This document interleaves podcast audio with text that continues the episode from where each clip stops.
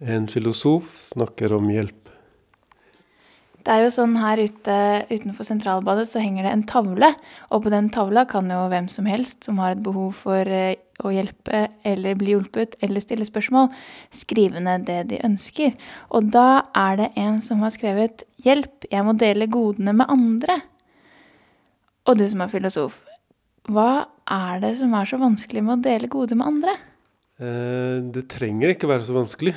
Eh, men jeg tror at de som har opplevd selv å ha det vanskelig, de har lettere for å hjelpe andre. Fordi de kan lettere forestille seg hvordan det er å være sulten, f.eks. Og jeg har her en gammel lommebok som jeg har fått av bestefaren min. Han fikk den av en russisk krigsfange på Hamar i 1944. Etter at han hadde, bestefaren min hadde smuglet inn mat i, til, eh, til, fangene. Eh, fordi han så at de var skrøpelige og sultne. Og jeg tror en viktig grunn til at han hjalp disse fangene, var at han selv hadde opplevd å sulte.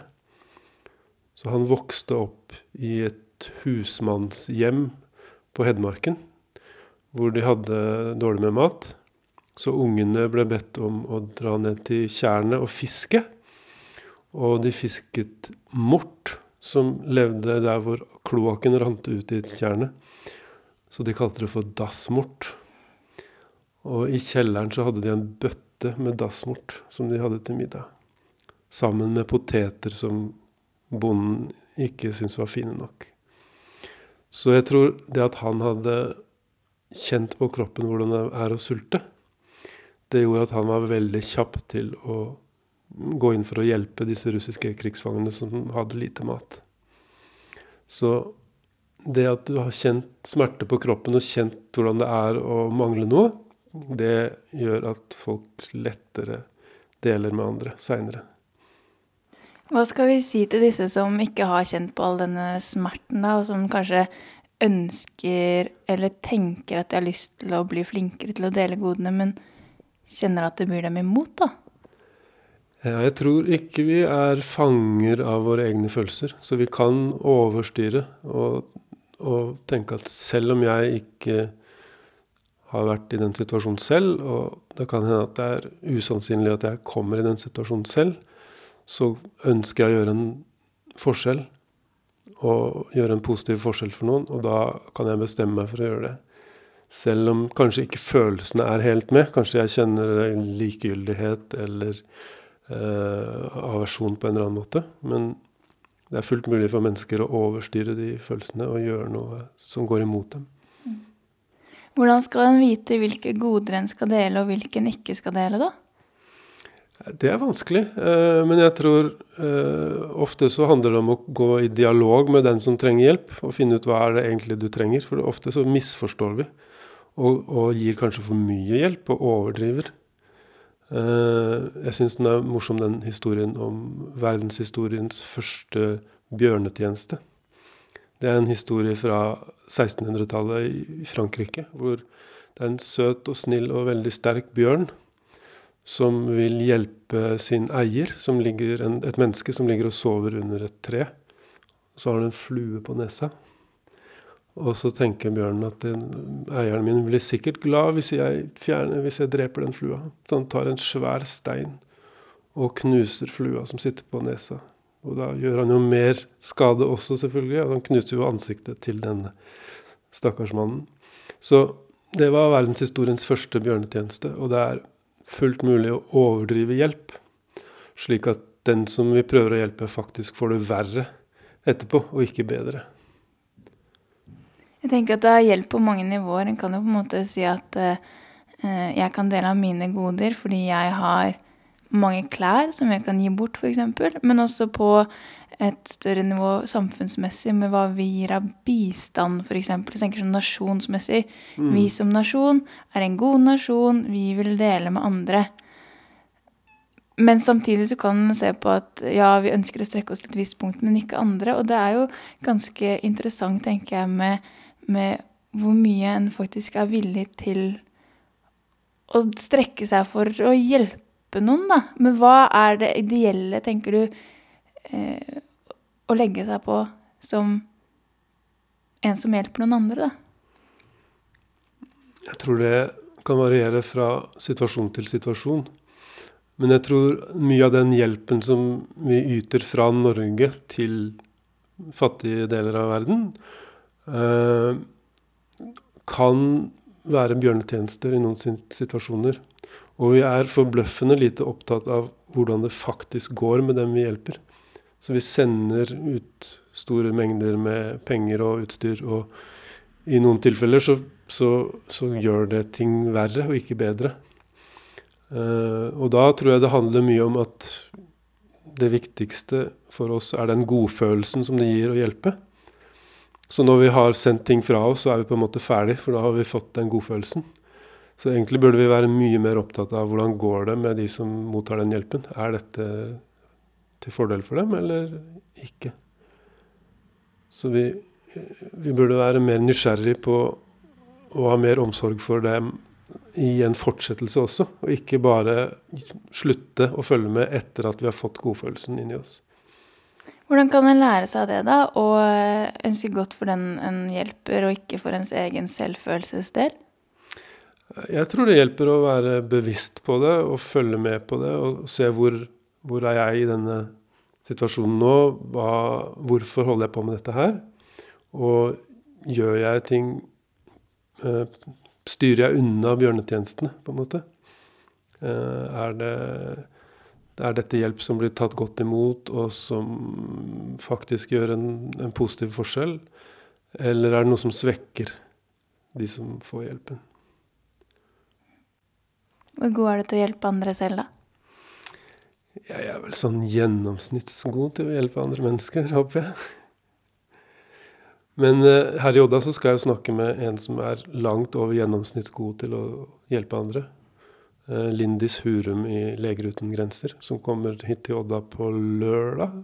Og vi skal snakke sammen om hva det er som får henne til å hjelpe, og hva hun har opplevd i sine ekspedisjoner hvor hun hjelper andre i, sammen med andre folk fra Leger uten grenser. Så det blir veldig spennende. Sånn som Lindis Hurum kan det høres ut som et slags overmenneske for oss vanlige dødelige. Tror du da at noen har født mer predisponert for å være flink til å hjelpe folk enn andre? Er det medfødt eller tillært? Eh, jeg har sett en del på forskning rundt hjelp, og det er mye som tyder på at eh, det er betinget av kultur, da, og av veldig lokalt også. Av hvem er det vi er sammen med. Eh, det finnes ofte klynger av hjelpsomme og støttende mennesker, og så finnes det klynger av mennesker som ikke stiller opp for hverandre i noe særlig grad. Uh, og det er en forsker som heter David Wilson, som har forska på det. Han sier at folk som flytter fra et område hvor folk ikke stiller opp, og flytter inn i et område hvor folk hjelper hverandre, de blir fort sånn som de andre. Mm. Og motsatt vei også. Hvis du bor i et nabolag hvor det er vanlig å støtte folk, og du flytter til et sted hvor det ikke er vanlig, så blir du fort sånn som de er på det stedet. Så jeg tror veldig mye handler om hva du ser rundt deg av, av, av, aktivitet. Om det er normalt å stille opp for andre eller ikke. Det har mye å si. Hvis vi går tilbake til dette hjelpespørsmålet 'hjelp, jeg må dele godene med andre'. Mm. Jeg kan jo kjenne for meg selv at jeg vil veldig gjerne dele med folk hvis jeg føler et fellesskap med dem. Hvis ja. jeg kan kjenne at vi er på samme bølgelengde og vi har et slags felles prosjekt, så jeg ønsker deg alt godt. Men mm. med en gang dette fellesskapet blir borte, eller jeg kjente jeg kan bli irritert på dem, eller syns at uh, folk ikke kanskje er sånn som jeg skulle ønske de var, så mister jeg lysten til å dele. Er det noe menneskelig i det der å ønske å hjelpe folk som er like seg selv? Ja, jeg tror det, men jeg tror, jeg tror hjelp er et, et viktig sånn sosialt lim, på en måte. Og jeg snakket med en odding i går som sa at her i fjorden så har det vært en sånn dugnadsånd blant uh, bøndene. Så de hjelper hverandre. Så når de ser at uh, morellene blir modne et sted tidligere enn de andre, så, så stiller naboen opp og er med å høste. Fordi den naboen vet da at når det blir min tur å ta inn moreller, så får jeg hjelp fra naboen. Og at det har vært en, en, viktig del av det sosiale livet her, på en måte. Og det er det som har gjort at folk kan, kan eh, klare seg.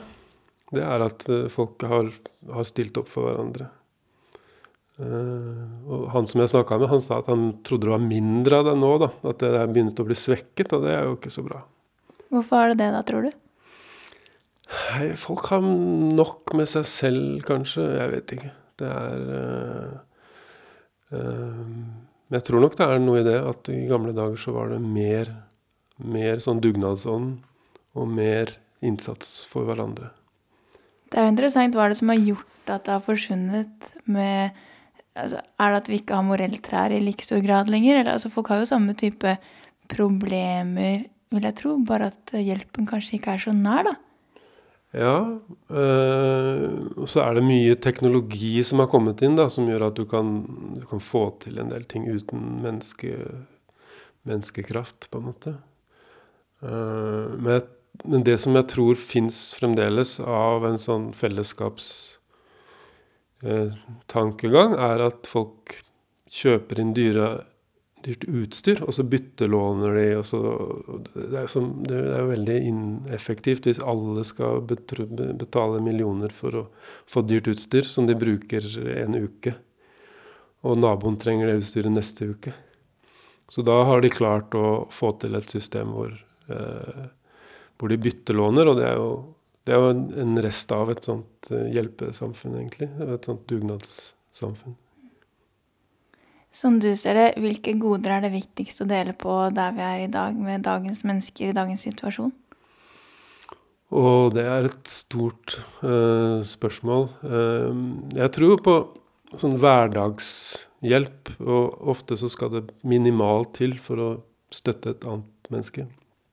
Så jeg noen ganger kaller jeg det for mikrohjelp. Altså Man tenker på hjelp som noe sånn svært og voldsomt og, og dramatisk, men, men, mikrohjelp kan gjøre enormt stor forskjell. Bare det å vise et annet menneske at du bryr deg, og at du støtter dem. Det trenger ikke være et svært prosjekt. Det kan være en bitte liten innsats som, som gjør stor forskjell.